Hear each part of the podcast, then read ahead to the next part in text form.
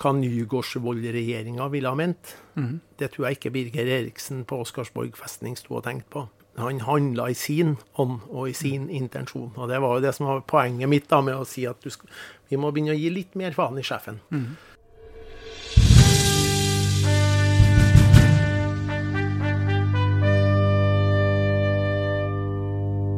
Du hører nå på Krigens krav, en podkast fra Heimevernssamfunnet.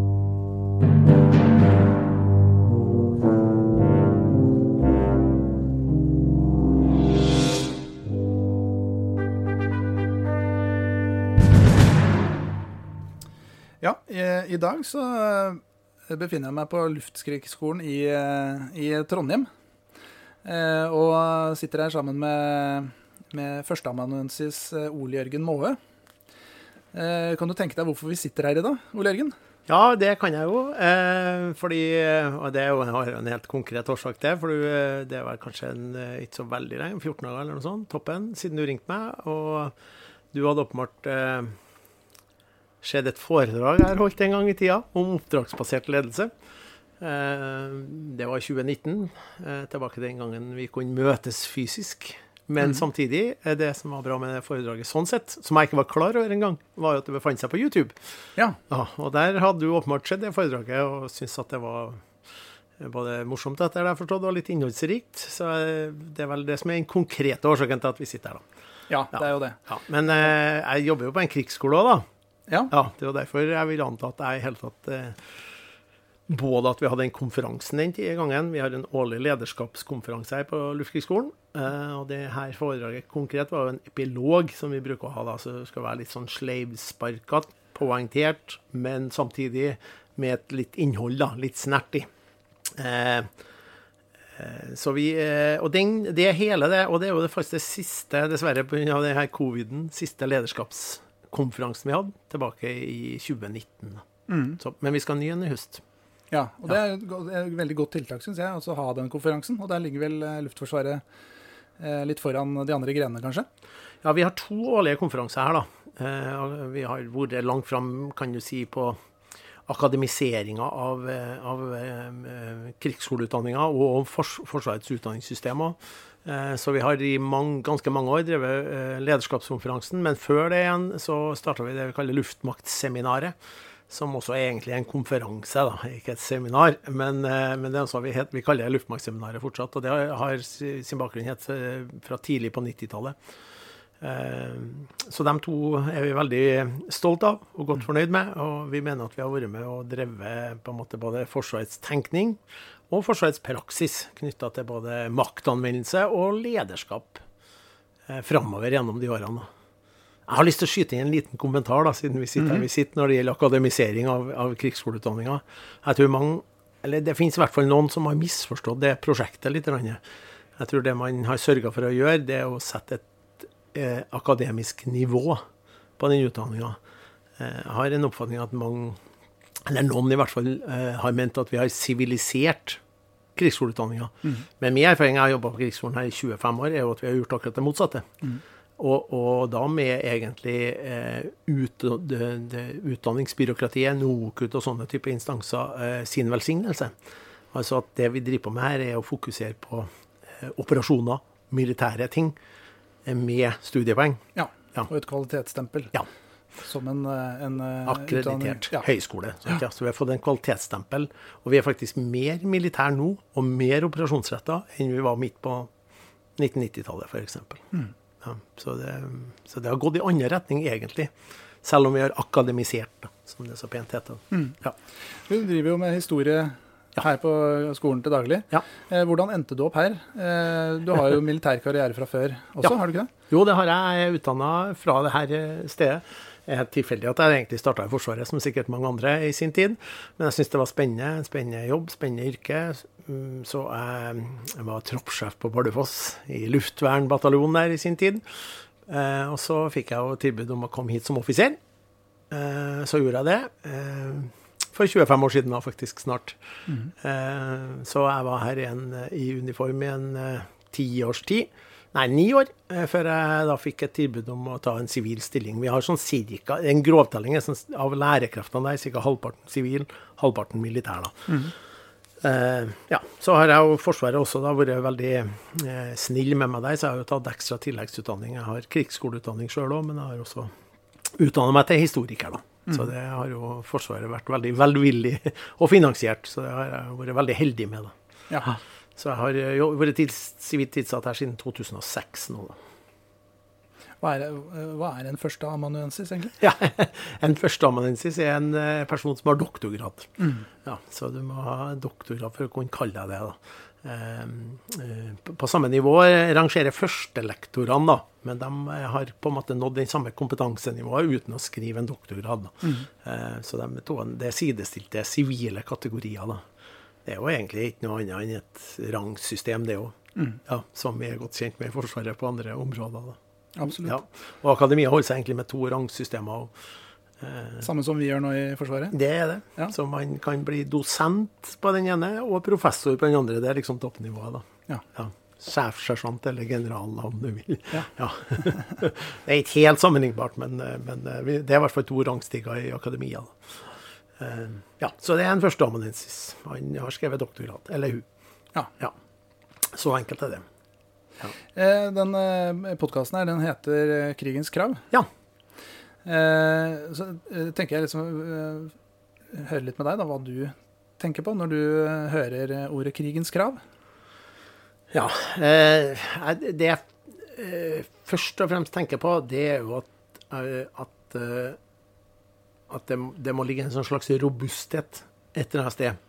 Og da kan du se på robusthet i veldig mange plan. Én ting er den fysiske robustheten, du må tåle litt eh, i så måte.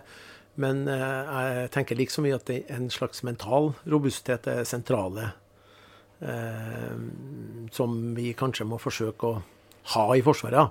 Mm. Og med mental robusthet så tenker jeg på eh, at det er jo Det er veldig sjelden at militære operasjoner eller kriger, eller hva du skal kalle dem, kommer beleilig, eller på det tidspunktet når det passer for deg, eller når du er godt forberedt, eller når du Ja, alt er på plass og sånt. Det er det veldig sjelden.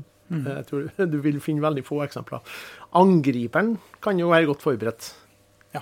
på et plan, men forsvareren er det veldig sjelden. da. Så hvis vi har en, i all hovedsak et militærsystem som i hvert fall på strategisk nivå i, i utgangspunktet er defensivt innretta, eller for den saks skyld internasjonale operasjoner, der vi ikke kan, det, ingen kan forutsi hvor vi skal være hen til neste år, eller om to år, eller om fem år. Det, det, det er det ingen gitt. Så det, den her mentale robustheten tenker jeg det er det aller mest sentrale. Også fordi at hvis du deltar i en operasjon, du kan forflytte deg dit òg, så vil du jo hele tida bli møtt med overraskende ting. Ting som du ikke kan være 100% forberedt på. Og der òg dreier seg først og fremst om å ha en slags mental robusthet for å takle det uforutsette. da. Og klare å operere inni et slags uh, kaos. uh, der ting er usikkert, der du ikke kan være helt trygg på at beslutningen din er korrekt, men du allikevel kanskje beslutter den.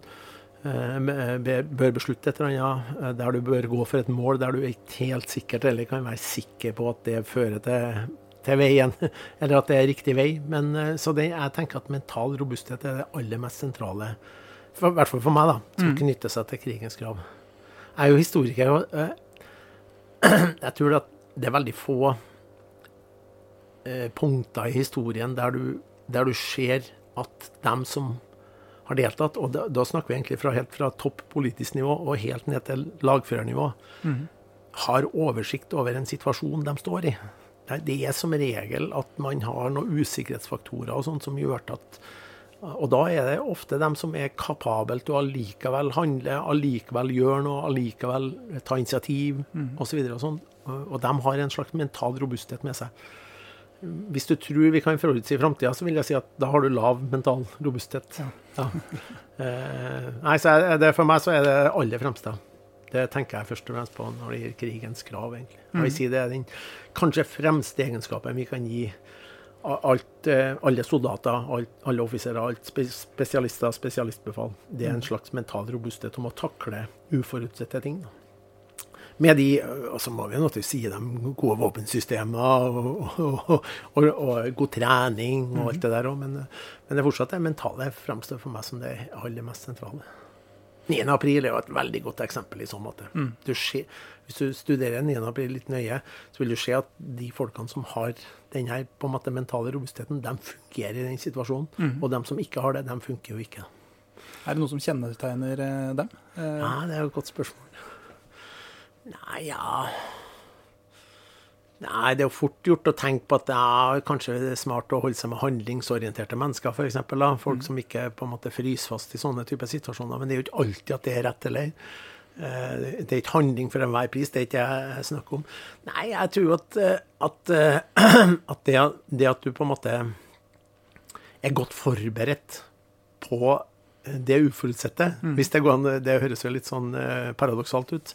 Eh, men eh, vær forberedt, vær godt trent, kan drillene dine, kan jobben din og alt sånt. Det setter deg i stand til å håndtere uforutsette situasjoner. Så det å bare være god til det du på en måte er satt til til enhver tid, er jo en forutsetning for å ha den her mentale robustheten. da. Så det er ikke sånn at du skal slekke og så håndtere det overraskende når du blir overraska. Det, det holder ikke. Du må, så jeg vil si at kanskje det aller er jo at det, det er veldig mye flinke fagfolk. Flinke, smarte folk som, som skjønner hva som foregår rundt dem òg. Klarer å lese situasjonen de befinner seg i. Men om de har noe felles karaktertrekk, nei, det er jeg mer skeptisk til. Eh, Siden jeg er lærer, ville jeg sikkert sagt god utdannelse, men jeg er ikke sikker på at det er rett svar. Kanskje, kanskje ikke bare det, men Nei. du kommer vel godt med på veien? Jeg vil tro det. Jeg tror også at det utdannelse kan gi deg i så måte, er jo at du har fått forståelse for hva er det på en måte i en sånn situasjon jeg kan gjøre noe med, og hva kan jeg ikke gjøre noe med. Og Det er kanskje den sentrale avveininga enkeltpersoner på forskjellige nivåer blir avhengig av å analysere seg fram til. Og Der tror jeg kanskje du skiller litt klinten fra hveten. Og der tror jeg utdannelse er veldig viktig. Ja. Jeg tror det bidrar veldig sterkt til å skille eh, skitt fra kanel, så jeg bruker et litt forslitt begrep, da, Ja. i en sånn situasjon. Men også kanskje å, å skjønne de faktorene som omgir deg, som er viktige å forstå, men som du kanskje ikke sjøl har noen mulighet for å påvirke, men som allikevel er helt sentral for å løse det oppdraget som du står overfor. Det kan jo være noe så enkelt som vær, det kan være politiske forutsetninger, eh, kunnskap om fienden, kunnskap om operasjonsområdet, kunnskap om kulturen der du befinner deg, og sånne ting. Der er jo utdannelse helt sentralt. Ja, når jeg, når jeg, jeg har jo vært litt interessert i lederskap en, en stund nå. Vi, vi fokuserer jo på dette her i Heimevernssamfunnet. Eh, Så jeg har sett litt eh, og hørt litt rundt eh, forbi. Og jeg kom over lederskapskonferansen til Luftforsvaret på YouTube, faktisk. Ja. Har jo ikke vært til stede fysisk, men har vært gjennom mange av foredragene, spesielt da fra den 2019-runden Ja. på nett. Eh, og jeg beit meg jo spesielt merke i, som du nevnte, epilogen din, eh, som jeg syns var veldig eh, poengtert. Den var jo så veldig spissformulert. Ja. eh, og, men, men det var veldig mye eh, fint og, og, og, og sant i det, syns jeg. Så jeg tenkte kanskje vi kunne gått igjennom disse buda. Ja, eh, det kan vi godt. Ja. Eh, jeg, jeg, det med spissformulert først, for øvrig, eh, det har jeg jo Det er jo et, det er et sitat fra Jan Peder Syse, eh, den gamle statsminister. Mm. Han, han sa det at der trives Vi setter poengene på spissen. Der trives de best. Ja. Ja. og det tror jeg var eh, Jeg lurer på om jeg sa det i foredraget for øvrig, men Eh, det, hele den konferansen handla om oppdragsbasert ledelse. Så det var jo utgangspunktet for det foredraget. Og det var også et utgangspunkt som jeg hadde reflektert litt rundt akkurat da. Eh, fordi at man, man diskuterte oppdragsbasert ledelse og styring. Og da styring forstått som fredstidsstyring av Forsvaret. Eh, så skulle jeg, ble jeg utfordra på å holde den her epilogen. Så det, ble jo litt mer sånn tøys at det ble bud, da. Og det er jo til og med bud om å gi faen. Ja. eh, som, er, som også Det gjør man jo vanligvis ikke da, hvis man, hvis man De opprinnelige budene, for å si det sånn. Eh, og det er til og med ti stykker, da. Eh, så det skulle jo være mer morsomhet enn Så eh, og det er jo alltid når du først har bestemt deg for å gjøre noe sånt, så må du jo lete og prøve å få til ti stykker, da. Så nå sett i etterkant, jeg må innrømme at jeg har lest gjennom det, at én jeg mente jeg er like godt fornøyd med som resten. Men jeg syns faktisk de andre kan ha litt eh, med seg, da. Så det første budet er jo å gi litt mer faen i sjefen. Mm. det høres jo veldig brutalt ut, eh, men jeg er av den oppfatning, og jeg, jeg syns at Forsvaret har dreid seg veldig, veldig gæli for meg, da, retning, eller feil, da, for ikke å bruke for mye dialekt. Men eh, Og det, det er et voldsomt sjefsfokus i Forsvaret. Altså lederfokus, men, men den lederen som, forstått som sjef, og da, i betydningen at det er sjefens intensjon som man skal liksom følge, og man skal til og med handle i sjefens ånd, heter det så pent. Eh, Men jeg er mer opptatt av at vi skal produsere offiserer og soldater, spesialistbefal og, og alle kategorier egentlig som har eh, som handler i sin egen ånd og sin egen eh, intensjon. Jeg tror det er det som egentlig ligger i oppdragsbasert ledelse. Det er ikke sånn at vi skal lete etter Det er ikke sånn at hele FOH nå skal lete etter hva Yngve Odlo mener er smart å gjøre. Det tror jeg er en feil måte å tenke på. Jeg tror også Yngve Odlo, det får jeg unnskyldt, Yngve, hvis du hører på, er et feilbarlig menneske. da. Så noen må fortelle Yngve Odlo om at nei, nå tror vi at uh, generalløytnanten tenker feil. At det er bedre å gå i den retningen. Eventuelt så kan det jo være situasjoner nedover i en så stor organisasjon som Forsvaret der du ikke vet hva sjefens intensjon er. Eh, mange 9. april f.eks. var helt sikkert usikre på det, og noen handla jo rett, og andre handla mindre rett. Det var en vanskelig situasjon, naturligvis, men hvis du skulle stå og tenke over skal ta poenget helt ut, da. Hva Nygårdsvold-regjeringa ville ha ment. Det tror jeg ikke Birger Eriksen på Oscarsborg festning sto og tenkte på. Sannsynligvis ikke. Nei, han handla i sin ånd og i sin intensjon. Og det var jo det som var poenget mitt da med å si at du skal, vi må begynne å gi litt mer faen i sjefen. Jeg tror også at det er, det er ikke sånn. Og her får generalmajor Fransen, som er min toppsjef da, i forsvaret, forsvaret, på Forsvarets høgskole, men han er jo heller ikke i alle sammenhenger smartest i utdanning. Han er jo ikke det. Og det tror jeg Henning Fransen godt vet sjøl òg. Eh, men vi andre må jo ikke late som om sjefen vet alt. Så derfor så syns jeg at man godt kan gi litt mer faen i sjefen, og stole litt mer på seg sjøl. Det er jo det som ligger i andre enden av det budet, på en måte. da. Ja. Så det var nå første bud. ja. Ja. Og da, det bringer oss videre til bud nummer to. Ja, ja, det gjør det. Det, skulle være, det går i den retningen. Eh, bud nummer to var å gi litt mer faen i planen. eh, og her kan jeg angripe min egen skole, til og med. For jeg syns også at vi, vi, eh, vi er veldig flinke å leie bort planprosess, f.eks. Vi er veldig flinke å, å fokusere på eh, plan- og beslutningsprosess, som jo selve metodikken heter. Eh, Men vi er langt mindre flinke i å eh, lære både kadettene og når vi lager praktiske øvelser og sånn, og vise dem at ja, ja, den planen var jo eh, fin når den var laga. Sikkert gjennomtenkt og god. Men som kjent, som de fleste planene, de, de, de går i oppløsning nærmest i første møte med fienden, eller i første møte med, med Murphys law, eller hva det skal være. Eh, som gjør at eh, planen er ikke så veldig viktig. Planlegging derimot er jeg veldig for. Det tror jeg er en veldig smart ting. Det gjør deg mentalt robust, eh, som jeg nevnte i sted, i møte med uforutsette ting. Fordi at du da kan på en måte gjøre om planen din. Eh, så med, med det å gi litt mer faen i planen, er at pla, planen når han først er laga, er ikke så viktig. Det er prosessen fram til selve planen som er det sentrale. Og f f arbeide fram mot neste plan. Ja, ja og, og en kontinuerlig planprosess. Og, den, og det, der syns jeg også vi kanskje kan være litt lite flinke. Vi, vi mener, og her kanskje Luftforsvaret får ofte litt eh, tyn, og, og til en viss grad med rette, at man har veldig sendrektige og langsiktige planprosesser og sånt. da som gjør at man, eh, man kan bli litt stivbeint i møte med eh, uforutsette hendelser og uforutsette ting. Da. Samtidig som jeg jo si at eh, noe av historien til Forsvaret de siste årene, og Luftforsvaret ikke minst, og, og ikke minst med det vi vet som skjer i Kabul akkurat når vi sitter og snakker nå, at Forsvaret er jo utrolig flink å kaste seg rundt òg, da. Eh, med ressurser når det er behov for det.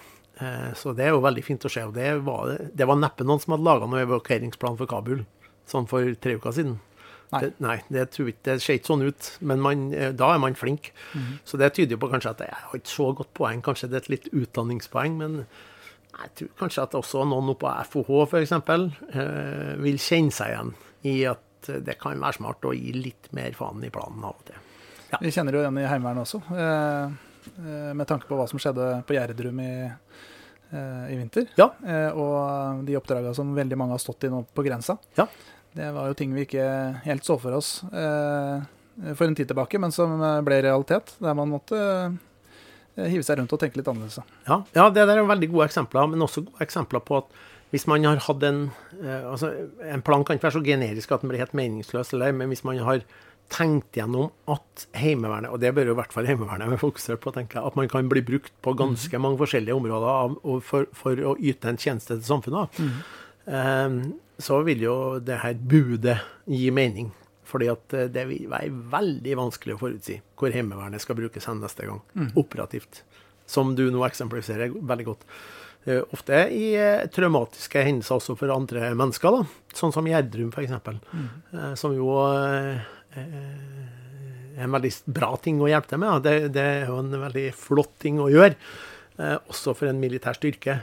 Eh, det syns jeg er en, eh, veldig fin ting med å tenke på med Heimevernet. Redningstjenesten i Luftforsvaret er jo på, egentlig på akkurat samme, som også var på mm. Gjerdrum, naturligvis. Ja. Men de var jo heller ikke forberedt på akkurat den typen situasjon. Hvordan heiser du opp mennesker fra det kaoset der? Mm. Ja. Nei, så det, nei, jeg synes det, det, var et veldig fint eksempel du bringte der. Og covid-19 og grensekontroll også. Ja. ja. Bud nummer tre er kanskje det jeg er sett i etterkant minst fornøyd med. Det burde jeg formulert på annet vis. Men eh, jeg ta, det, jeg sa den gangen, var at man skulle gi litt mer faen i prosedyrene. Mm. Uh, men egentlig uh, så kanskje ikke jeg ment uh, Og det skal jeg forsøke å begrunne litt kort. da. I, i Luftforsvaret er vi veldig prosedyreorientert. og det er vi nede på det klassiske, det vi kaller det stridstekniske nivå. Mm. Og der må man være prosedyreorientert. Der må man være det for også å kunne møte det uforutsette. Sånn ja, og der er vi er sjekklistorientert. Det er veldig fort å gjøre en liten feil hvis du skal starte opp ei flymaskin, f.eks. Mm. Eh, det må gjøres på samme måten, gang etter gang etter gang. Det er mm. sånn du gjør det, og det må du ha sjekklista til, og du må følge prosedyren. Sikkerhet, eller det vi kaller flytrygging eller bakketrygging er også veldig sentralt, og der er prosedyrer ekstremt viktig. Eh, både når du står på bakken, og når du er i lufta. Men eh, det jeg sikta mer til, var at i Forsvaret har vi en tendens til å tro at en ting er en prosedyre, selv om det kanskje bare er en guidebok. Mm. Og det eksempelet jeg brukte i foredraget, er jo, eh, er jo plan- og beslutningsprosessen, da, eller COP-delta, som jo er Natos eh, plan- og beslutningsprosess-bibel. da. Ja. AJP5 er også en mulighet. Allied Joint Publication 5, hvis mm. man vil dit. Eller så har jo alle forsvarsgrenene nå sin egen variant. Vi har en stabshåndbok i Luftforsvaret. Men når vi driver på med, så de, de, de der bøkene de er ikke laga som prosedyrer. De er laga som en rettledning for hva bør du ha tenkt gjennom. Mm. Men i visse situasjoner så kan du godt hoppe over noen av skrittene, for de, det passer ikke. Det, det var ikke det det var laga for. Men da, da, har du rukket å tenke på det og kan mm. gå videre. Men vi bruker det sånn. Vi har en tendens til å tro at dette er en slags eh, prosedyre, det òg, da. Ja. Som skal følges. Og det blir feil. Da tar du ikke inn over deg at Eh, det er vanskelig å forutsi. Det er ingen i hærstaben eller Luftforsvarsstaben eller på Luftkrigsskolen der denne stabsboka Luftforsvaret er skrevet, mm. som klarer å forutsi framtida. Dermed så har de heller ikke klart å forutsi alle planparametere og sånne ting. Her er det en slags beste felles multiplum, en guidebok. Men, men den blir forstått som en prosedyrebok. da. Så det var utgangspunktet for det. Det her har jeg hatt som en liten kjepphest i mange år. Jeg mener at, eh, Og vi snakker jo ofte om kreativitet. da. Og hvis vi betrakter den typen guidebøker som prostyrer, så er det vanskelig å være kreativ, syns jeg, da. Jeg tror, jeg tror, det, jeg tror, jeg tror at eh, det er veldig få som blir kreative med den typen prosedyrer i Hvis du kan prosedyren og kan gjøre den hurtig, f.eks., mm. da kan vi begynne å snakke om at du kanskje kan bli kreativ. På toppen av på en måte den regelorienterte måten å tenke på. da. Nei, så det var bakgrunnen for det. Eh, der ligger det jo en sånn fredstidsdimensjon også mm. i Forsvaret. Eh, vi blir jo stadig vekk utsatt. Jeg syns trykket der òg har vært for økende i mine år i Forsvaret. Jeg har vært i Forsvaret siden 1988. Og trykket på arbeidsmiljølov og trykket på arbeidsplan og trykket på rettigheter, og det er jo bra ting.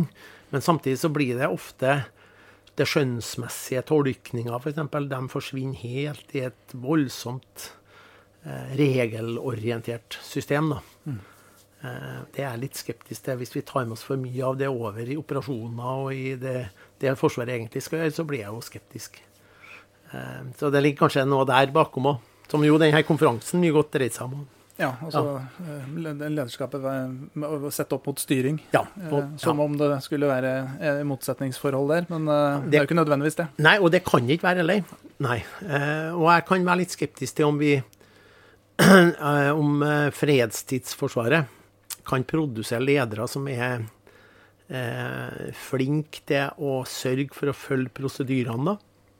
Fordi at eh, du må ikke overgå budsjettet, må holdes, og du må levere inn rapportene i tide. og du må gjøre sånn og sånn, og da, og da vil du naturligvis virke flink da, og få forfremmelse. og Du har ikke dumma deg ut på noe vis. da. Men det, det er jo ikke bare sånne folk som vi da kan vi vende tilbake til krigens krav. da. I hvert fall hvis vi setter kreativitet som en som et forutsetning for å lykkes i operasjoner og i strid og i krig. Så vil jo ja, Da vil det være fort gjort å tenke at det kanskje kan være et motsetningsforhold der, da. Som er litt spennende. Men i utgangspunktet vil jeg ha sagt at gode, for meg har det i hvert fall vært sånn at når jeg har hatt gode ledere, så har de også vært ganske flinke på styring. Ja, Så det har ikke vært noe motsetningsforhold i fredstid, nei. Nei. Men de har, heller, de har heller ikke vært opptatt av å detaljstyre. Det vil jo være en forskjell, da. De er flinke med å passe på pengene og sørge for at vi gjør riktige ting her på rett måte, men ikke på detaljnivå. Eh, Der går det en, en eller annen balanse der òg, som jeg syns er viktig da, i fredstidsforsvaret. Mm. Ja. Jeg tror mange i Heimevernet vil kjenne seg igjen i dette med prosedyrer, og ja, kanskje spesielt områdesjefene da, når det gjelder eh, plan- og beslutningsprosess. Ja. Det er nok mange områdesjefer og staber som har eh, slitt seg litt i håret eh, når man skal gjøre dette her punkt for punkt, Ja. eh, og følte at de kom litt til kort. Ja. Så da gjelder det også å eh, tenke at eh, det viktigste er kanskje å eh, finne kjernen da, i hva vi egentlig skal løse. Ja, Og jeg tror også at den er jo laga eh, som en sånn slags guidebok. Jeg liker å tenke mer på det som det. Og det er jo ikke sånn at om du, om du har kjøpt deg guidebok til Paris, som du tar med når du drar på helgatur, eller noe sånt, så har du tenkt å pløye deg gjennom alle de tingene som står inni her. Du, skjønner, du, vel, du tar et utvalg etter den situasjonen du befinner deg i. Hvor lenge skal jeg være i Paris? Mm. Er jeg her alene? Er jeg her sammen med hele familien min? Drar jeg på en femåring? Osv. Så, videre, og så, videre. så du tilpasser på en måte guideboka til den situasjonen du befinner deg i. Og sånn mener jeg at vi må begynne å tenke i økende grad om plan- og beslutningsprosessen. Mm. Den er en, Og kanskje hovedpunktene er smart alltid innom. Eh, Så det, det verste jeg vet, er egentlig at man deler ut den powerpoint. Eh, For det gjør man jo. Så Har du en mal, så får du den malen. Og da tror folk at også plansje 7, 8 og 9 De må jo skrive et eller annet. Nei, da mener jeg at hvis ikke plansje 7 er bra, så deliter du plansje 7. Og det, hvis sjefen da spør etter plansje, da kan du forklare hvorfor du eventuelt eh, sletter den. da. For det er en guidebok og ikke en prosedyre. Det mener jeg er ganske viktig ting å forstå. da.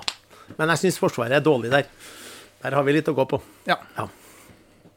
Eh, vi kommer jo videre i, i buda dine, og den eh, neste her, den, eh, den eh, høres jo ikke helt bra ut. Nei, den er jo kanskje blant de mer offensive, men det er jo det, Der står det å gi Det er bud nummer fire har vi kommet til nå, og det er jo å gi litt mer faen i de underlagte.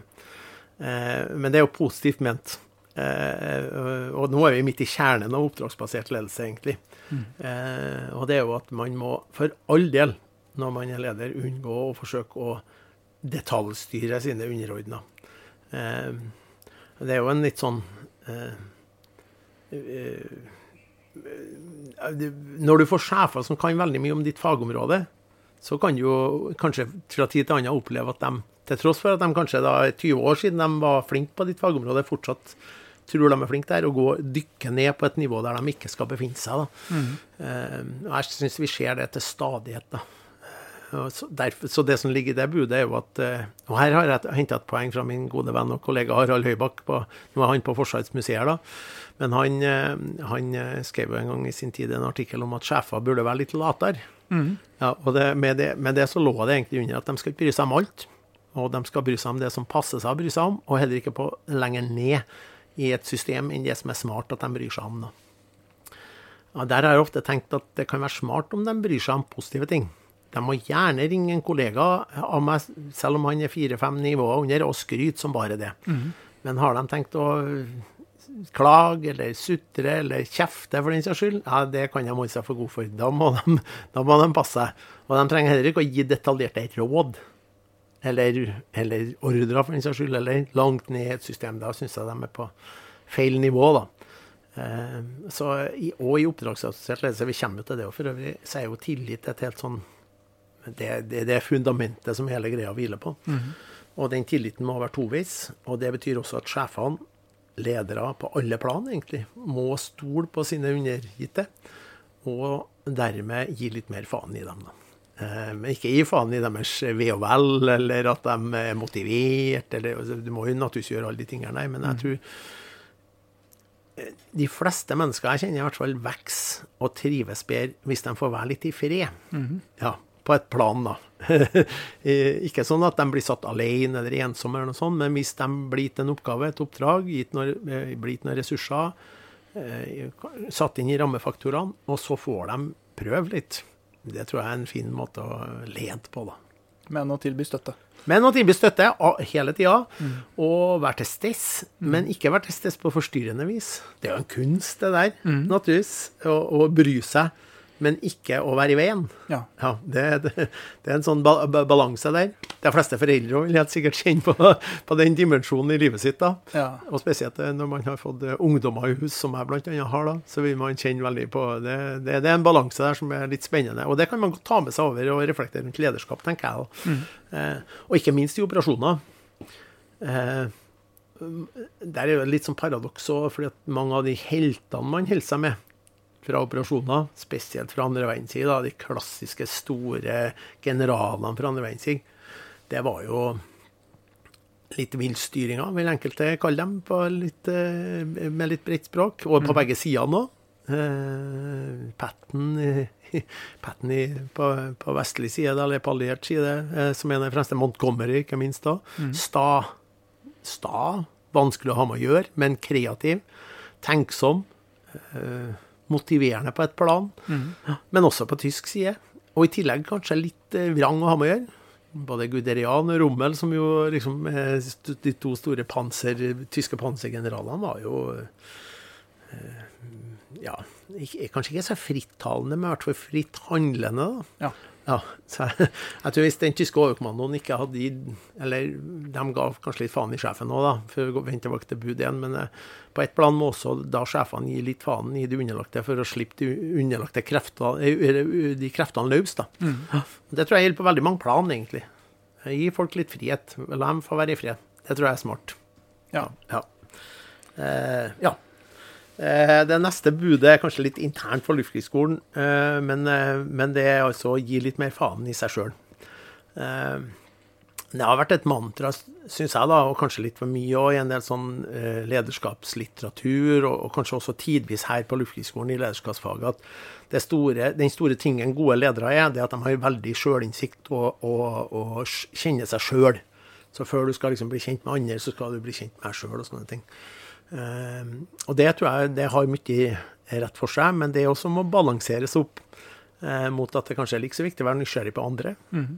Eh, forstå andre, og skjønne hvordan andre mennesker eh, er annerledes enn seg sjøl.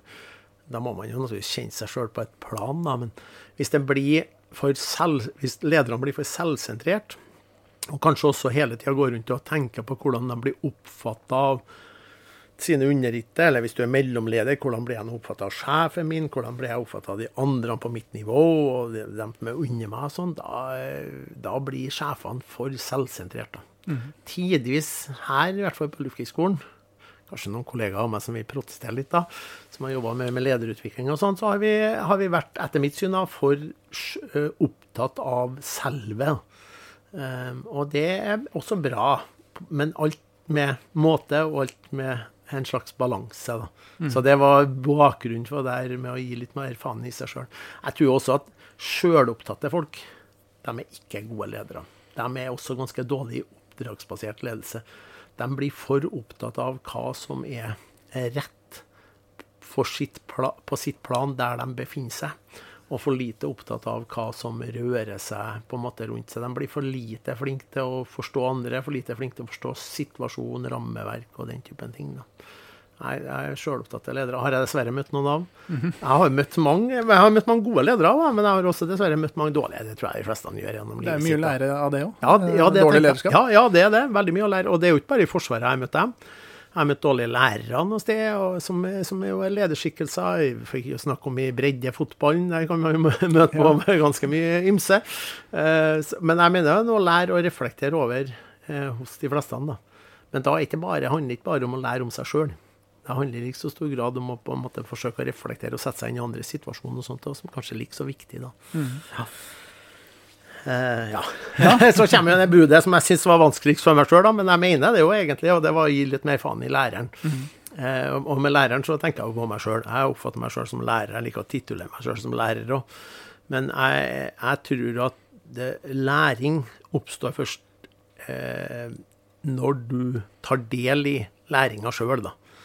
Eh, så, så jeg, jeg, jeg, jeg syns ikke den, den der ja, Det er en gammeldags forståelse. Jeg, tror, jeg vet ikke om så mange som har holdt seg med den lenger. eller, Men den her forståelsen at læreren kan en ting, og så skal eleven lære seg den samme tingen som læreren kan. Den her mester-elev-forholdet. Det kan jo overføre til en, på en del praktiske ting.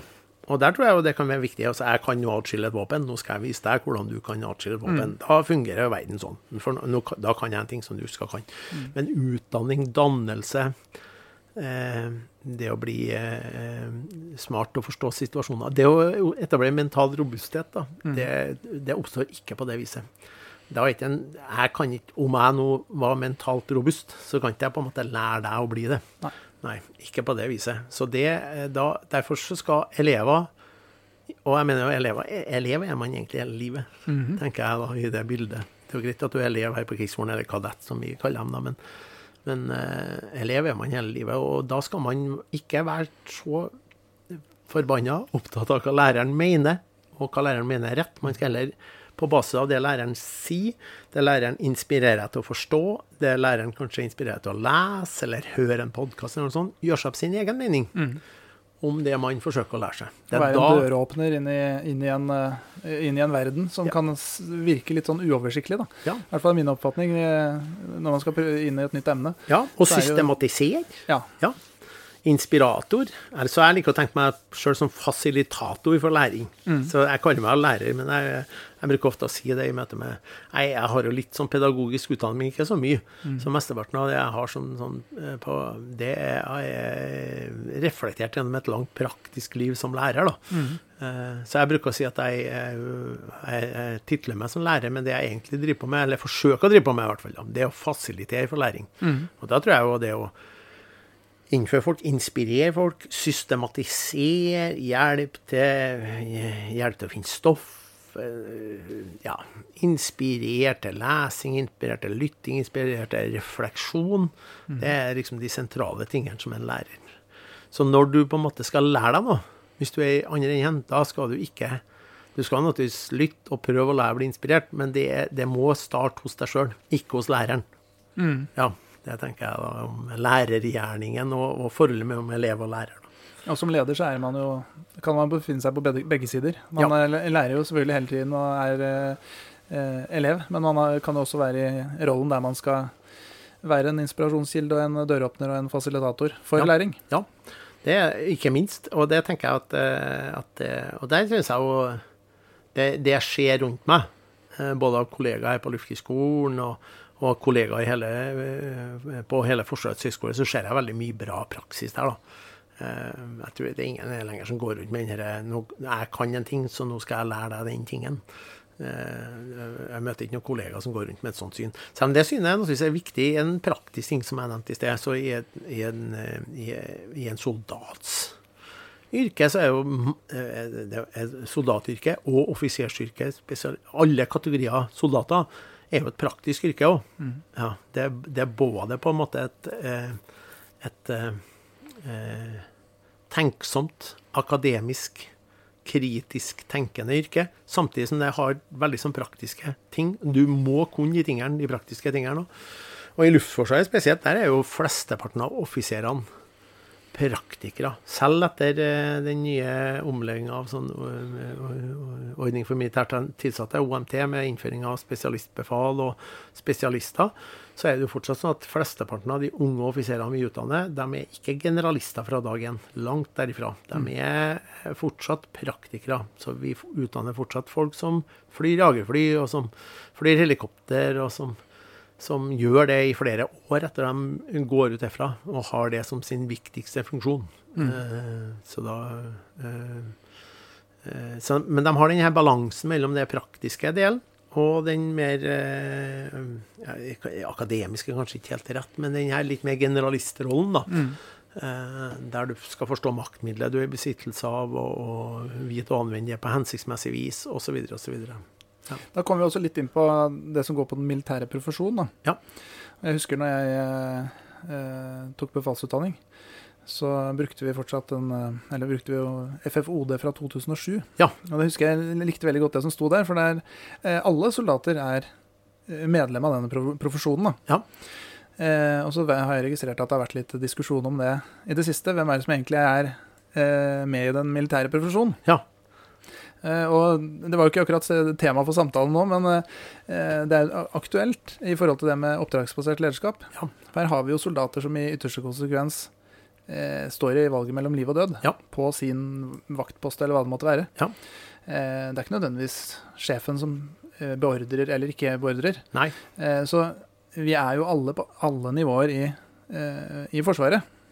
Fra en heimevernssoldat til general. Så er vi jo en del av den profesjonen, tenker jeg da. Ja. Eh, er, har dere noen tanker om det på, på Luftkrigsskolen f.eks. her nå? Nei, det du får høre om meg nå, det er mine egne tanker. Så det, det Vi har ikke hatt noe stor Vi har Først ble jeg litt usikker på om vi ikke skal Om ikke, om ikke lederskapskonferansen i år skal handle om profesjonskultur, men nå ble jeg litt usikker, så, så det må vi ta med en klype salt. Ja. Men, eh, men nei, jeg deler jo helt og fullt det synet. Eh, Jeg liker også soldatbegrepet litt. Og den her tanken om at alle er soldater. Det betyr ikke samme som at en general eller oberst for den saks skyld gjør de samme tingene som en eh, eh, soldat som står i en eh, kontrollpost et eller annet sted. Det er ikke det som er resonnementet bak det. Men at alle tilhører den samme profesjonen. Og at alle, og det tror jeg du har veldig rett i for øvrig, at jeg Eh, Pass seg for sånn aldri. Eh, historikere er veldig skeptiske til både aldri og alltid. Det, det skal man bare vokse seg vel for. Men man skal lete lenge etter sånn direkte ildordrer i strid. Mm. Ja, dem, det, det oppstår en situasjon der de fleste menneskene som er involvert i en situasjon, fatter beslutningen sjøl. Mm. Eh, det kan godt hende at du blir eh, inspirert nærmest av naboen sin beslutning, hvis du Mm. er i et lag, eksempelvis. Eller også av sjefen din sin Mm. beslutning. Kanskje hvis vi har gode sjefer, så kan du bli ekstra inspirert av sjefen sin beslutning og følge hans på en måte eh, Følge ham som en ledestjerne og, og handle deretter. da. Eksempelvis det å skyte Mm. på noen. da. Eller, eh, men de fleste Og her er jo Luftforsvaret til og med i, i våre, så vi, Det fremste maktmiddelet vi har, er jo enseters jagerfly. Mhm. Ja, og enseters jagerfly, der fatter piloten beslutninga. Det, det er alltid siste, siste Det er jo egentlig akkurat som en geværmann. Mm. Det er jo ingen som trykker av avtrekkeren for deg.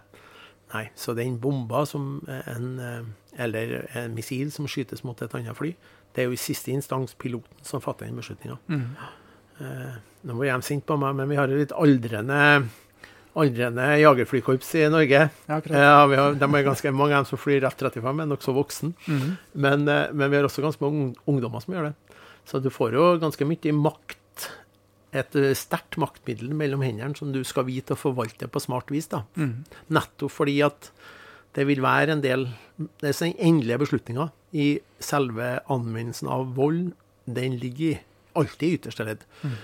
Eh, selv om det eh, Yngve Odlo via eh, Han det ble Rolf Folland, da, som har beslutta osv., så, videre, og så, videre, så vil jo alltid være det i det ytterste. Så Sånn sett er det jo en veldig sånn klar linje gjennom profesjonen, da, mm. der man er i et Ikke bare et slags, men man er i et fellesskap.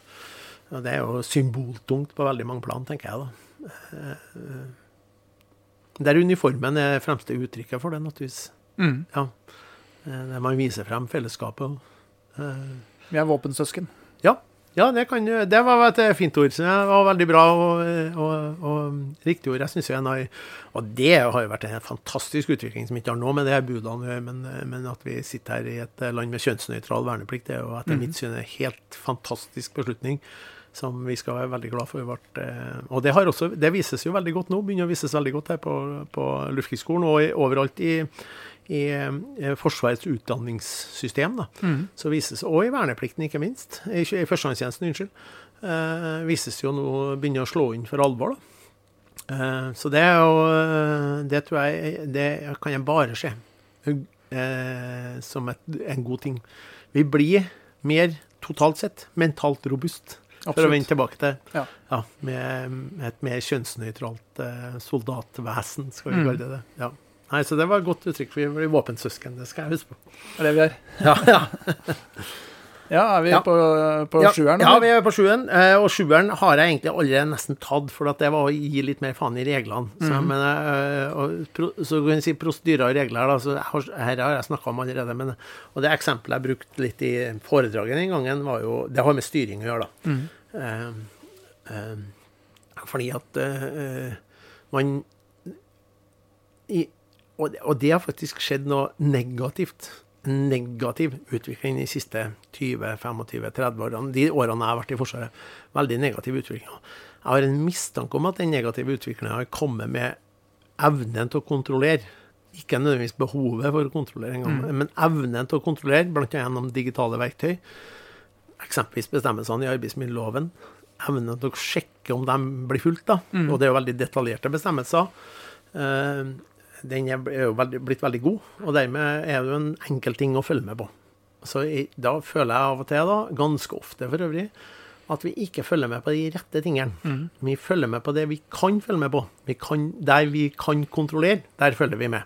Så det målbare blir viktig. Ja, og det blir helt meningsløst for meg, da.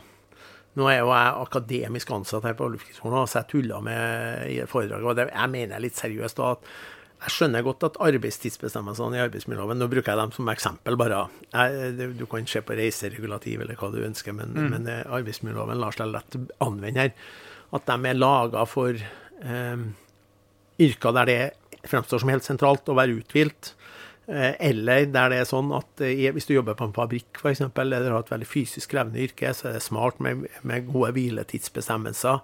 Det er det også hvis du skal føre en buss eller kjøre et fly. eller noe sånt. Men for meg som akademiker, som jobber med det, så er det for meg det fremstår som helt meningsløst at jeg ikke kan jobbe mellom 11 og 12 om kvelden og stå opp igjen halv åtte om morgenen og være like frisk og rask og kunne gjøre akkurat det samme. Jeg kan godt skrive en tekst eller et foredrag mellom 11 og 12 om kvelden og allikevel møte opp på jobb, men det har jeg altså ikke lov til.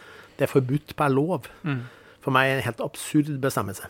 Men at det er sånn for en pilot som skal fly meg til Oslo i morgen, det syns jeg er veldig bra. Sant, ja? Men vi, evner ikke, syns jeg, å skille de her tingene. Og, og så begynner vi da å kontrollere òg. Så jeg vet jo skolesjefen her, for nå har vi fått ny skolesjef, da, så hun har eh, den første kvinnelige skolesjefen, da, for å vende tilbake til. Veldig Ja, bra. ja. Eh, Marianne Døhl, eh, vi ønsker hun velkommen, men, eh, men jeg vet jo at den forrige skolesjefen får en månedlig rapport på brudd på arbeidsmiljøloven, som om det egentlig på denne institusjonen er en spesiell sentral ting. Det er det jo ikke. Vi skulle heller fått rapport på leverer vi det produktet, vi. Ja. Så jeg syns at man, man kontrollerer det man kan kontrollere, og ikke det man burde kontrollere. Gjennom det regelfokuset. Eh, Og der er det i hvert fall ikke noe oppdragsbasert ledelse å skje. Så langt øyet blir vått og tørt, eller hvor du sier Nei, det, ja. Og der har det blitt vær. Ja.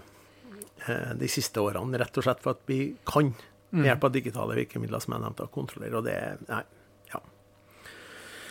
Eh, Da har vi vel kommet til åtte. Ja. Og det føyer seg veldig pent inn her nå, for det handler om å gi litt mer faen i kontroll. Eh, og eh, og jeg, ja, også for øvrig på FHS, for, eh, for Henning Fransen og Forsvarets høgskole. Forsvarets Ja. mm. Der jeg jo på en måte har mitt daglige virke, vil jeg jo si at man, man er Man må passe seg for å eh, kontrollere Om man skal drive med kontroll i det hele tatt, så må man passe seg for å kontrollere på de rette stedene i så fall. da. Vi vinner naturligvis Jeg skal ikke ta på arbeidsmiljøloven denne gang, da, for jeg hører at jeg er veldig motstander av den. Men, men også innenfor faglige områder og sånne ting, så må man passe seg for å drive med kontro og iverksette kontrollmekanismer for å se etter om vi her på Luftkrigsskolen gjør de helt rette ting, eller hvordan var det med det, og sånne ting. Jeg syns at, det- at det er litt for mye av det, da. Mm. Det dreier seg faktisk ikke bare om, eh, om, eh, om, eh, om den typen fredstidsstyring, men også knytta til, til eh, til leveransen vår. Ja. hvor, hvor mye stoler du på Luftkrigsskolen og Luftkrigsskolen som samla kollegium da, sin evne til å forstå hva som er fornuftig å lære, og forsøke å lære, eller forsøke å inspirere kadettene til å lære, er en bedre måte å si det på.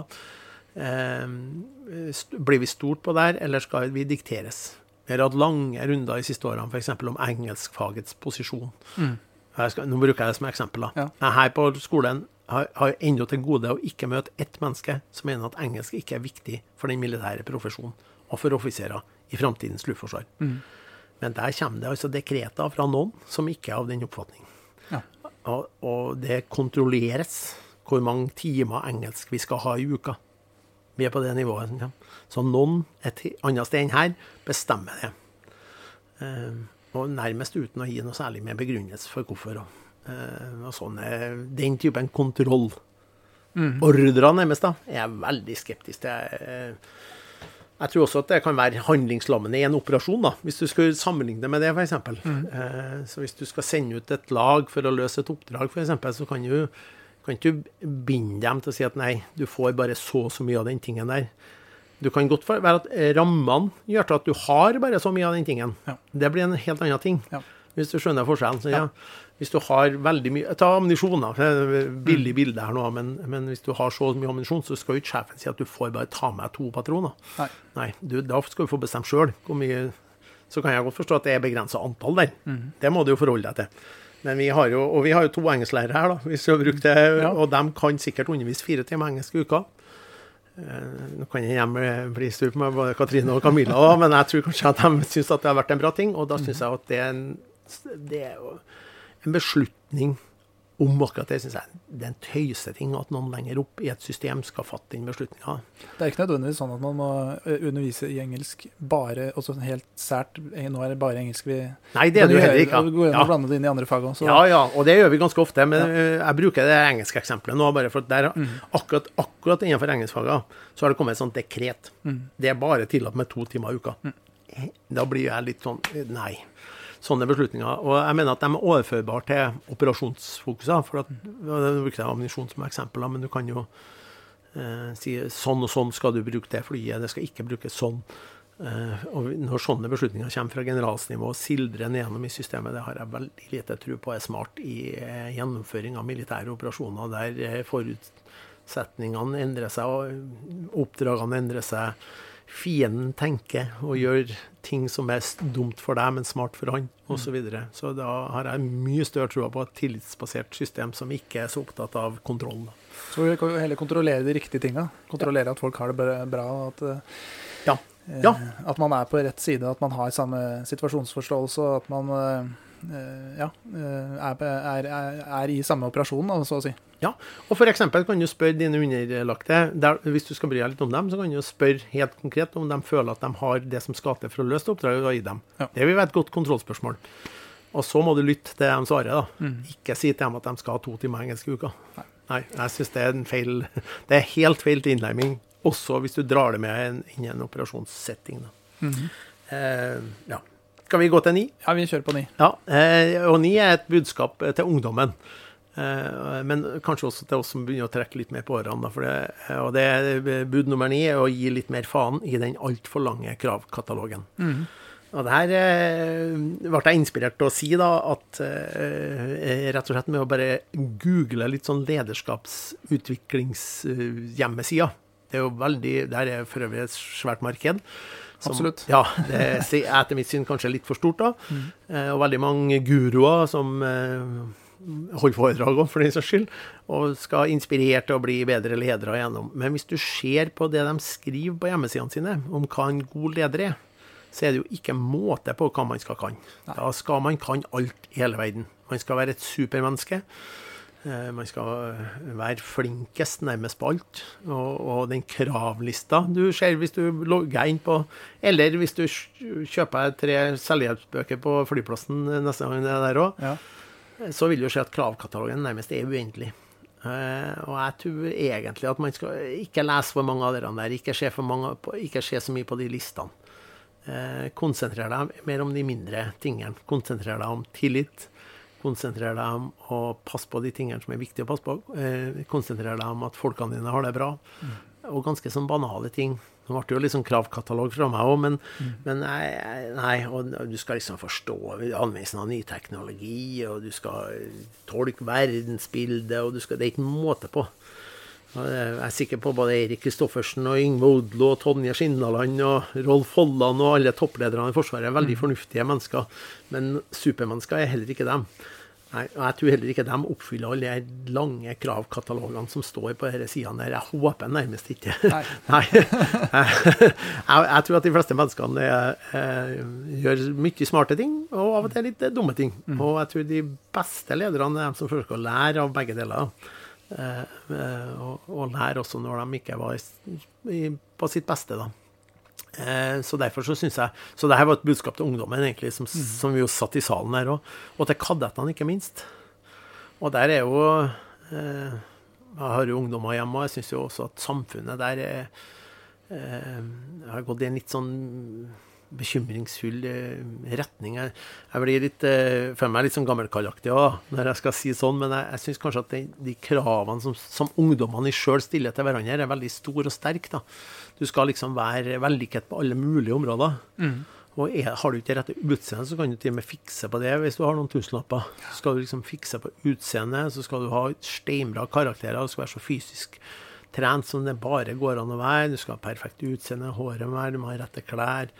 Du må drive med rette fritidsaktivitetene. Mm. Eh, du må være flink i det i tillegg. Ja, ja, det må du òg. Ja. Du kan ikke bare være litt med. Du liksom, og du skal helst drive med masse sånne mm. fritidsaktiviteter. Og du skal jo helst ha en kropp som en sånn Alle skal helst se ut som de kan vinne OL-gull i svømming når som helst. Mm. Sant, ja? Og det, det, der er jo ikke gjengs menneskene som er. Så jeg, selv, den, I det, med den altfor lange klarkatalogen så ligger jo det der og lurker bakom at det er dagens ungdom. Jeg syns jo det ligger litt til Forsvaret òg. Forsvaret i seg sjøl, og førstegangstjenesten mm. ikke minst, eh, rekrutterer jo fra et veldig eh, Ikke fra det brede lag av folket lenger. Nei, det er ikke sånn lenger. Nei. Det var det for 25-30 år siden. Mm. Det har sikkert vært et, en god tanke bak å ikke lenger gjøre det, for man får veldig høyt nivå på, på soldatene i førstegangstjenesten på alle mulige plan. da. Mm. Eh, men det er i et demokratisk perspektiv, hvis du ser på det fra et som politisk ståsted, ikke en uproblematisk ting å gjøre. Mm. Der har jo kjønnsnøytral verneplikt vært en veldig bra ting, da, mm. som vier ut horisonten allerede der. Men, eh, men, eh, man, fra et demokratisk ståsted, så lenge det er en verneplikt, så kunne man ha sett for seg at man breia ut den penselen litt. Ja. Mm. Og det kan man kanskje til og med si kompetansemessig hadde vært litt fornuftig. At man trenger litt forskjellige typer mennesker. da, Ikke bare dem som er kjempegode på skolen mm. og driver med masse fritidsaktiviteter, og som er veldig gode i fotball eller turn eller hva det nå skal være. Mm. Um, nei, så der, der, tror jeg man har kanskje ikke tenkt riktig langt nok, eller da. Nei. Jeg skjønner intensjonen bak, og det er veldig fort å være enig i den, egentlig. Mm. Men jeg er ikke sikker på om det slår ut helt rett. Eh, nei, det var kravkatalogen. Kanskje alltid om å gjøre å kunne mest. Eh, noen ganger så kan det være fint å kunne eh, fortelle de rundt seg også hva man er usikker på. Ja. Eh, at, man, at, man, tenker litt høyt, ja. eh, og ikke nødvendigvis bare sier de tinga du veit du kan, ja. men eh, forteller de rundt deg at 'dette er jeg usikker på'. dette veit jeg ikke. Dette kan jeg ikke. det her tviler jeg litt på. dette skjønner jeg ikke. Nei. så jeg, tenker, jeg pleier å si det til mine soldater. At det er jo en av de tinga jeg ønsker at skal være eh, fritt framfor i min avdeling. Ja. Eh, og at, at, du skal kunne prøve å feile i, le, i lederrollen. Ja. Det må på en måte være, Alle skal føle seg komfortable med det. Ja. Helst, da. Det er jo eh, sikkert ikke like godt, eh, godt, i praksis alltid, men eh, hvis man har det som et utgangspunkt, tenker jeg. Ja. Intensjonen der er jo veldig bra, og, veldig, og den, den jeg ser meg helt enig i. Og jeg syns også det er en fantastisk Jeg, jeg personlig i hvert fall responderer mye bedre på den typen ledere som tør å si at nei, men nå skal du gi meg et godt råd, for det, her, det er jo ditt område her nå. Mm. Eller for den saks skyld bare si ut i et plenum, sånn som, sånn, sånn, eksempel du bruker nå, at nei, nå er jeg faktisk litt usikker. Mm. Her, eh, og, her kan være, og du kan til og med begrunne usikkerheten. Her, her er de faktorene som gjør meg litt usikker, eller det her kan ikke jeg noe om. Jeg er ikke jeg spesielt god på engang. Nå må jeg få hjelp av noen, eller nå må jeg trenge støtte her. Nei, det, det for meg gir jo, hvis vi snakker om autoritet, da, som ikke, har, har, som ikke er med i budene i det hele tatt, egentlig, så vil sånne ledere eh, eh, gi meg tillit til dem. Fordi at de ser seg sjøl som et jeg bruker å kalle det feilbarlig menneske. Mm. Jeg tror de fleste mennesker Det er ennå til gode å møte noen som er flink til alt. Mm. Og ja. du har jo studert en del historie også? Ja, jeg har det. Jeg har det. ja. vi, vi, der, vi, kan jo bruke sånne folk som vi bruker som de store heltene fra historien. Mm. andre verdenskrig er jo fortsatt det klassiske, og Winston Churchill har jo veldig mange som, som sin store helt fra andre verdenskrig, men han mm. var jo alkoholisert, drikkfeldig, uh, forferdelig Behandla en del mennesker helt forferdelig. Mm. Uh, flere De generalene som jobba rundt den under krigen, måtte, jo, måtte jo være veldig, veldig veldig tålmodige mennesker. Da, mm. Som stadig vekk var sint på Churchill. Det lar seg lett det er dokumentert gjennom dagbøker. og han, En av hans nærmeste skrev jo dagbok som er publisert av Alan Brook. Ja. Og det er jo et eh, register over, over hvordan de håndterer Churchill også med helt ville ideer, mm. som generalene tenkte OK, i dag var den ideen. Det kan jeg i hvert fall ikke gjøre. Nei. Men som allikevel, mm.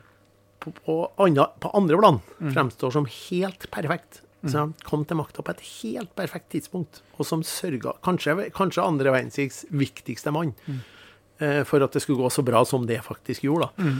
At man klarte å bekjempe, bekjempe uh, ondskapen fra, fra Nazi-Tyskland, ikke minst. Eh, nei, det er kjempeviktig, men veldig feilbadig. Og jeg tror det om de fleste mennesker. Det kan hende at jeg bare bruker meg sjøl som eksempel nå, da, men ja, ja. Uh, ja. ja. Nå kommer vi til høydepunktet, gjør vi ikke det? Ja, det Rosinen i pølsa, det, ja. det viktigste, gjør vi ikke Ja, det, det, er faktisk det viktigste. Og det er veldig lett å si, men veldig vanskelig å utføre i praksis. Mm. Uh, og det er jo et bud om å ikke gjøre noe. Uh, og det var altså at du ikke skal gi faen i tillit. Mm. Og til, jeg mener at tillit er det sentrale, spesielt i oppdragsbasert ledelse. Og tillit i den sammenhengen er et mangeveis. Ikke bare tovis. Det, ofte sier man ja, tillit til tovis. Og tillit er noe du gjør deg fortjent til. Mm. Det er ikke noe som kan vedtas. Du har ikke tillit til sjefen. Eh, og sjefen har ikke tillit til sine underordna før man lar folk prøve. Til og med la folk feile. Mm. Og det har vi jo god tid til, spesielt på en utdanningsinstitusjon som den her. Mm. For så å hjelpe dem, bidra til at de får reflektert, lært seg mer, blir mer kunnskapsrik og fatte en bedre beslutning neste gang. Mm. Og den kanskje aller fremste tilliten skaper du jo, eller viser du jo folk når du faktisk lar dem feile uten at det får voldsomme konsekvenser for enkeltindividet. Mm. Men da, vi snakker jo om feil innenfor en viss ramme her òg, da. Så vi har jo eh, systemer i det militære for å si at nei, nå tråkka du faktisk så langt over streken her om det er lovbrudd eller hva mm. det er, er, nå er vi utafor den akseptable greia som, mm. vi, som gjør at du har, Nå har du mista min tillit. Det, så det er jo ikke de tingene vi snakker om. Vi snakker om uh, ting der man kan se skjønnsmessige nyanser og sånt. i så jeg vil si, Og det er jo det sentrale i oppdragsbasert ledelse. Og da vinner vi tilbake til nesten mm. alle de her budene. Og det handler altså om noe så enkelt som at eh, alle på sitt nivå får lov i utgangspunktet å fatte beslutningen innenfor den rammen de er mm. gitt. Mm. Mm. De kravene de eh, får lagt på seg, og den situasjonen de befinner seg i. Ikke at noen skal gå inn og detaljstyre noe som helst. Så på, eh, og på mange planer har vi veldig oppdragsbasert ledelse her på Luftkrigsskolen. Eh, det blir jo, høres ut som jeg bare sitter og skryter av sjefene mine, men, men, men, men Eh, jeg har, jeg har hatt fagansvar her i mange år. Vi har forskjellige fag. der får, Her får du ansvar nå for uh, å undervise førsteavdeling i luftmakt, og du mm. har fem uker, og her er det målene du skal nå. Ja. Og, og, så vær så god, ordne opp. Og mm. da er det opp til meg, og gjerne i samtale med mange kollegaer, og kanskje til og med i samtale med, med ledelsen her, eller sjefen min, om uh, hvordan vi skal gå fram. Mm. Men i utgangspunktet så er det da tillitsbasert derfra og, og, til noe annet på en måte er om, inntrer eller mm. ja. Så det syns jeg det er veldig bra. Der er faktisk et ganske lavt kontrollnivå. Og tillit til kontroll er jo veldig dårlige veldig dårlige naboer. Mm Eh, De hører ikke sammen. Ja, eh, du, tvert du begynner å kontrollere etter tillit, da har du egentlig sagt fra at du ikke har tillit. Eh, Så jeg er jo Nei. eh, Men, men å følge med, det blir noe helt annet, Mhm. som vi snakka om i sted. Å vise eh, engasjement, og at du bryr deg. interessert i det Ja. de, som Ja. blir, blir utført. Ja, ja. Og jeg, jeg, jeg, Nå snakker jeg fra min egen verden, men bare det at, eh, at noen som har gitt meg den tilliten, kommer og hører på mm. en time, eller deltar i en diskusjon, Mm. det synes jeg setter jeg superpris på. Mhm. Det er en veldig fin ting. Da viser man seg at man bryr seg, da. Mhm. Eh, så det, det jeg Det er en viktig måte å vise det på. Men det, er jo ikke, det oppleves, oppleves ikke som kontroll. Men hvis man hadde satt seg bakerst der i klasserommet og begynt å notere ja, nå sa han ja, banna han, og så hadde vi hatt en samtale der da, om alle feilene jeg gjør. Mm. Jeg gjør sikkert feil i klasserommet stadig vekk. Eh, det, nei, da blir vi, da, er vi på en annen ja, og, eh, Det er samme som vi, hvis vi f.eks. skal du du kan også ta det til elevene. og e, e, Egentlig kan du overføre deg helt til soldatverdenen nå. Altså hvis du eh, Hvis du skal være elev på en skole, eller du skal lære deg en ting som heimevernssoldat, så kan det jo ikke være sånn at eh, den du skal lære deg av, lager et svært kontrollregime rundt deg til enhver tid. Nei. Vi har jo eksamener, vi har tester, praktiske sertifiseringskrav og den type ting, som jo er viktig. Men allikevel så kan det ikke være sånn at du, du, ingen, blir, ingen blir inspirert av å bli kontrollert hele tida. Det, det, det, nei, det har jeg liten tro på. Så i et system som skal der systemet i seg sjøl skal være mentalt robust, da.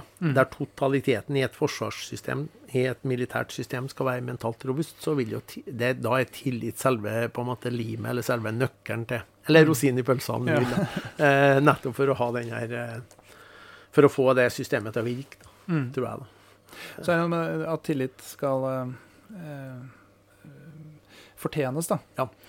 Eh, jeg, jeg opplever det sånn at det er, eh, det er ikke alltid tid til det. da. Hvis du kommer f.eks. ny som eh, områdesjef i Heimevernet, Ja. så får du en avdeling som du kanskje aldri har hilst på før. Nei. Så tenker jeg at da, da må man kanskje ha eh, være trygg nok da, til å så si at den tilliten den er der fra dag én. Ja. Eh, fordi at eh, det, det motsatte ville jo vært eh, vanskelig å oppnå. Ja.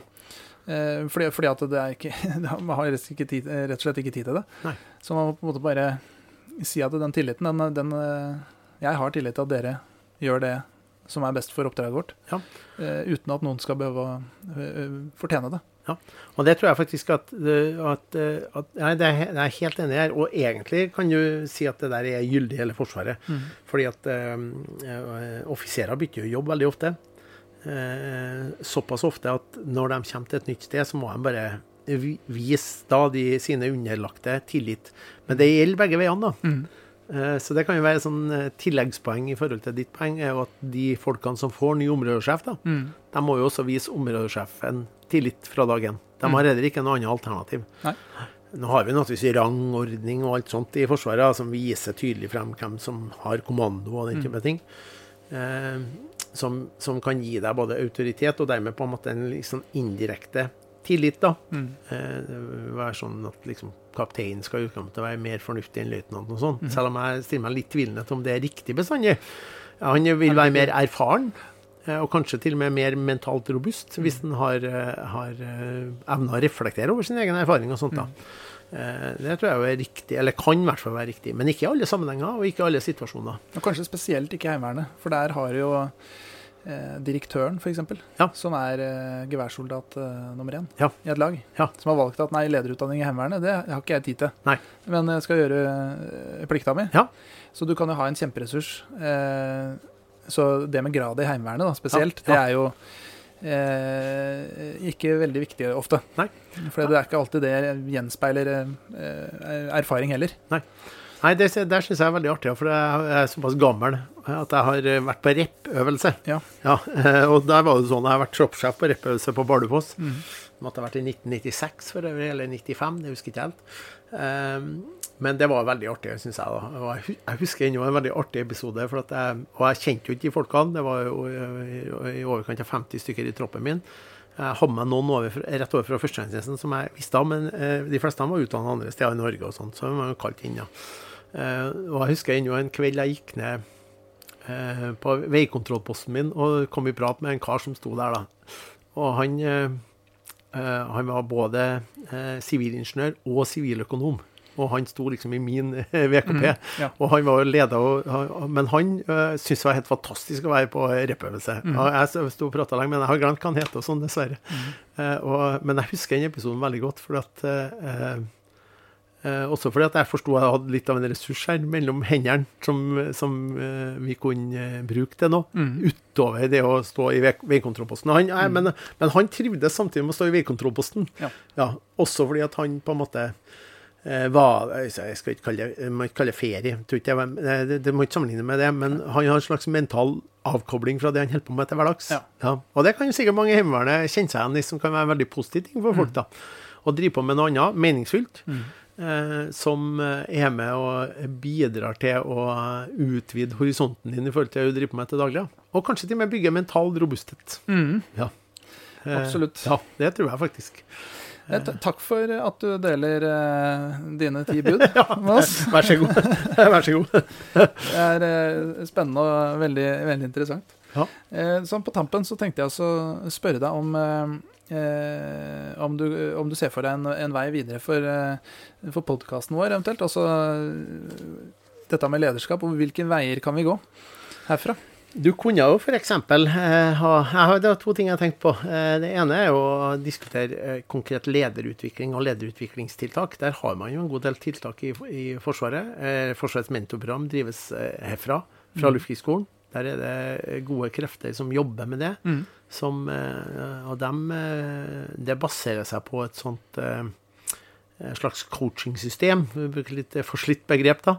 Der, der de har erfarne offiserer som, som er med og bidrar til yngre offiser, offiserer sin utvikling. Da. Mm. Men det er satt i et system, og de får både dem som skal lære bort, eller være med å reflektere, eller inspirere, kanskje bedre begrep her, og dem som skal lære eller bli flinkere, er veldig, de blir lært opp på en måte i rollene sine i, i, som en del av programmet. Så snakk med noen som jobber med det, konkret om lederutvikling.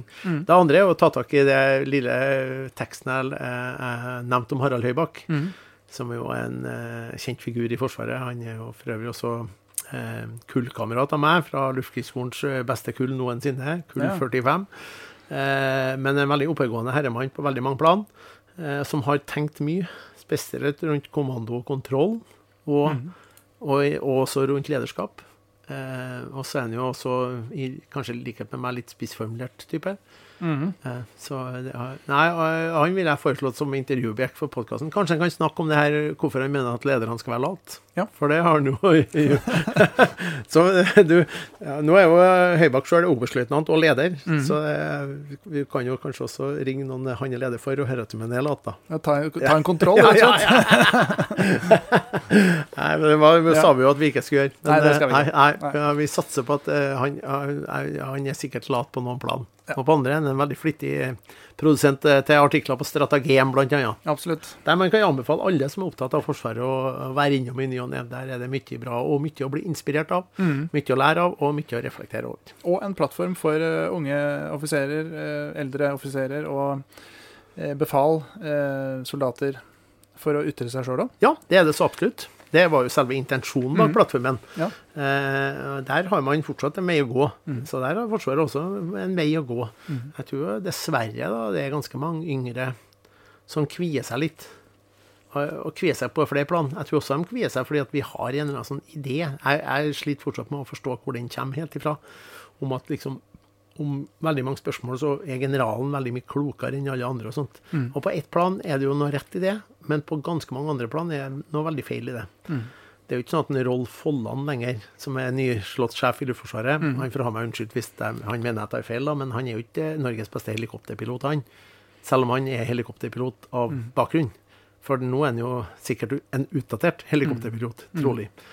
Eh, han har flydd i redningstjenesten og, og, og, og også vært eh, sjef i, for NADEN, eller eh, Norwegian Aeromedical Detachment i Afghanistan i sin tid. I ja. Ja, Mm. i Meimane, men allikevel så er jo ikke Folland best på det lenger. Det er jo ikke derfor han har blitt sjef for Luftforsvaret, eller? Nei. Nei. Selv om han sikkert var flink den gangen òg. Mhm. Eh, så hvis vi skal snakke med en flink helikopterpilot, så ringer vi ikke Rolf Holland. Nei. Nei. Så du får ha meg unnskyldt, Rolf. ja. Eller en up to date helikopterpilot, da. Ja. For å være mer presis, da. Mm. Norges beste eh, AV101-pilot sitter jo et annet sted enn i sjefsstolen Mm. for sjef Luftforsvaret, og, eh, og det er en bra ting. Men det har vi en tendens til å glemme. Så hvis noen skal ytre seg om redningshelikoptertjenesten, da, for å ta det eksempelet, der eh, Rolf har jobba i mange år, så er det jo smartere å spørre noen andre enn Rolf akkurat nå. Han hadde for øvrig et godt innlegg på den samme konferansen du Ja. hadde, om oppdragsbasert lederskap. Og det, ja. Nei, Han er en veldig flink og tenksom fyr, men han er sikkert ikke Norges beste redningshelikopterpilot lenger. Nei. Om han en gang var det, da. Det var han sikkert. Sikkert. Ja. Der, der, men der går vi av og til litt galt i Forsvaret. Vi tror liksom at generalens ytringer på alle plan er bedre enn ungdommens ytringer, og det er helt feil måte å forstå verden på, etter mitt syn. Eksperter på forskjellige ting de finnes på veldig mange plan i verden. Og reflekterte mennesker finnes også på veldig mange forskjellige plan i verden. Så jeg håper inderlig at flere Og så tror jeg også noen tror at hvis de er for kritiske eller, eller liksom eh, spissformulert, eller så går det dem dårlig, da. Da stopper militærkarrieren opp og alt sånt. Det, jeg har veldig lite trua på det, da. Mm. Eh, jeg tror snarere at det kan gi litt oppmerksomhet. Så hvis det er litt gjennomtenkt, det du kommer med, eller morsomt for den saks skyld, eller spissformulert, så tror jeg du får oppmerksomhet, og at det nesten bare kan gi et gode på sikt. Mm. Eh, den personen som motbeviser i hvert fall denne tesen om at det ikke lønner seg å være oppviglersk, det er jo Sverre Disen, da, som ble forsvarssjef, til tross for at han var ansett som å være en av hærens mest opp- oppviglerske offiserer på slutten av 80- og litt inn på Ja, akkurat. 90-tallet. Ja, ja. Gikk imot strømmen, så det koste etter. Så det, han er et sentralt eksempel i så måte. Yes. Eh, Hva vil du anbefale av litteratur for eh, lytterne våre? Jeg har ei helt bestemt bok som jeg har tenkt på, som eh, innenfor dette feltet. Ja. For nå snakker vi om lederskap og det å være leder i strid i operasjoner. Og det er faktisk Mart Martin van Krefeld, en kjent israelsk militærhistoriker. Kontroversiell israelsk militærhistoriker. Jeg har etter mitt syn kanskje rabla litt for han på de gamle dager. Jeg ville ikke anbefalt å lese noe særlig mange av de nye bøkene hans. Men eh, han skrev veldig mange innsiktsfulle bøker i eh, i sin tidlige historikerkarriere. Den aller beste heter 'Command in War'. Den er fra eh, 1987 eller noe sånt. Eh, og det er en briljant bok. Det er en case-studiebasert bok, men åpningskapitlet og avslutningskapitlet Du skal lete lenge etter å finne noe som er mer på en måte to the point når det gjelder hvorfor skal vi drive på med oppdragsbasert ledelse, og hvordan best gjennomfører på en måte kommando i strid. da. Ja, og på alle mulige plan. Og selv om han henter eksemplene sine veldig fra sånn generalsnivå, så er det veldig overførbart det han skriver om. da. Jeg tror veldig mange som har vært med på selv bare en øvelse i Forsvaret, vil få veldig sterk gjenkjenning. da. Og Hovedbudskapet hos Skefelt er for øvrig at det er dem som lærer seg å operere i kaos. Mm. Det er dit man skal. Ja. Det er, der, det er dem som får til det, med den mentale robustheten, som blir de beste krigerne. Mm. Det er dem som oppfyller krigens krav. Da. Ja. Hvis vi skal runde sirkelen litt. Da fikk vi jo runda det Ja, veldig godt av. ja. Tusen takk for det tipset. Ja, bare hyggelig. Og tusen takk for at du stilte opp i Krigens krav. Ja, takk for det. Takk for samtalen. Det var veldig trivelig. Takk for at du tok kontakt, og at, takk for praten.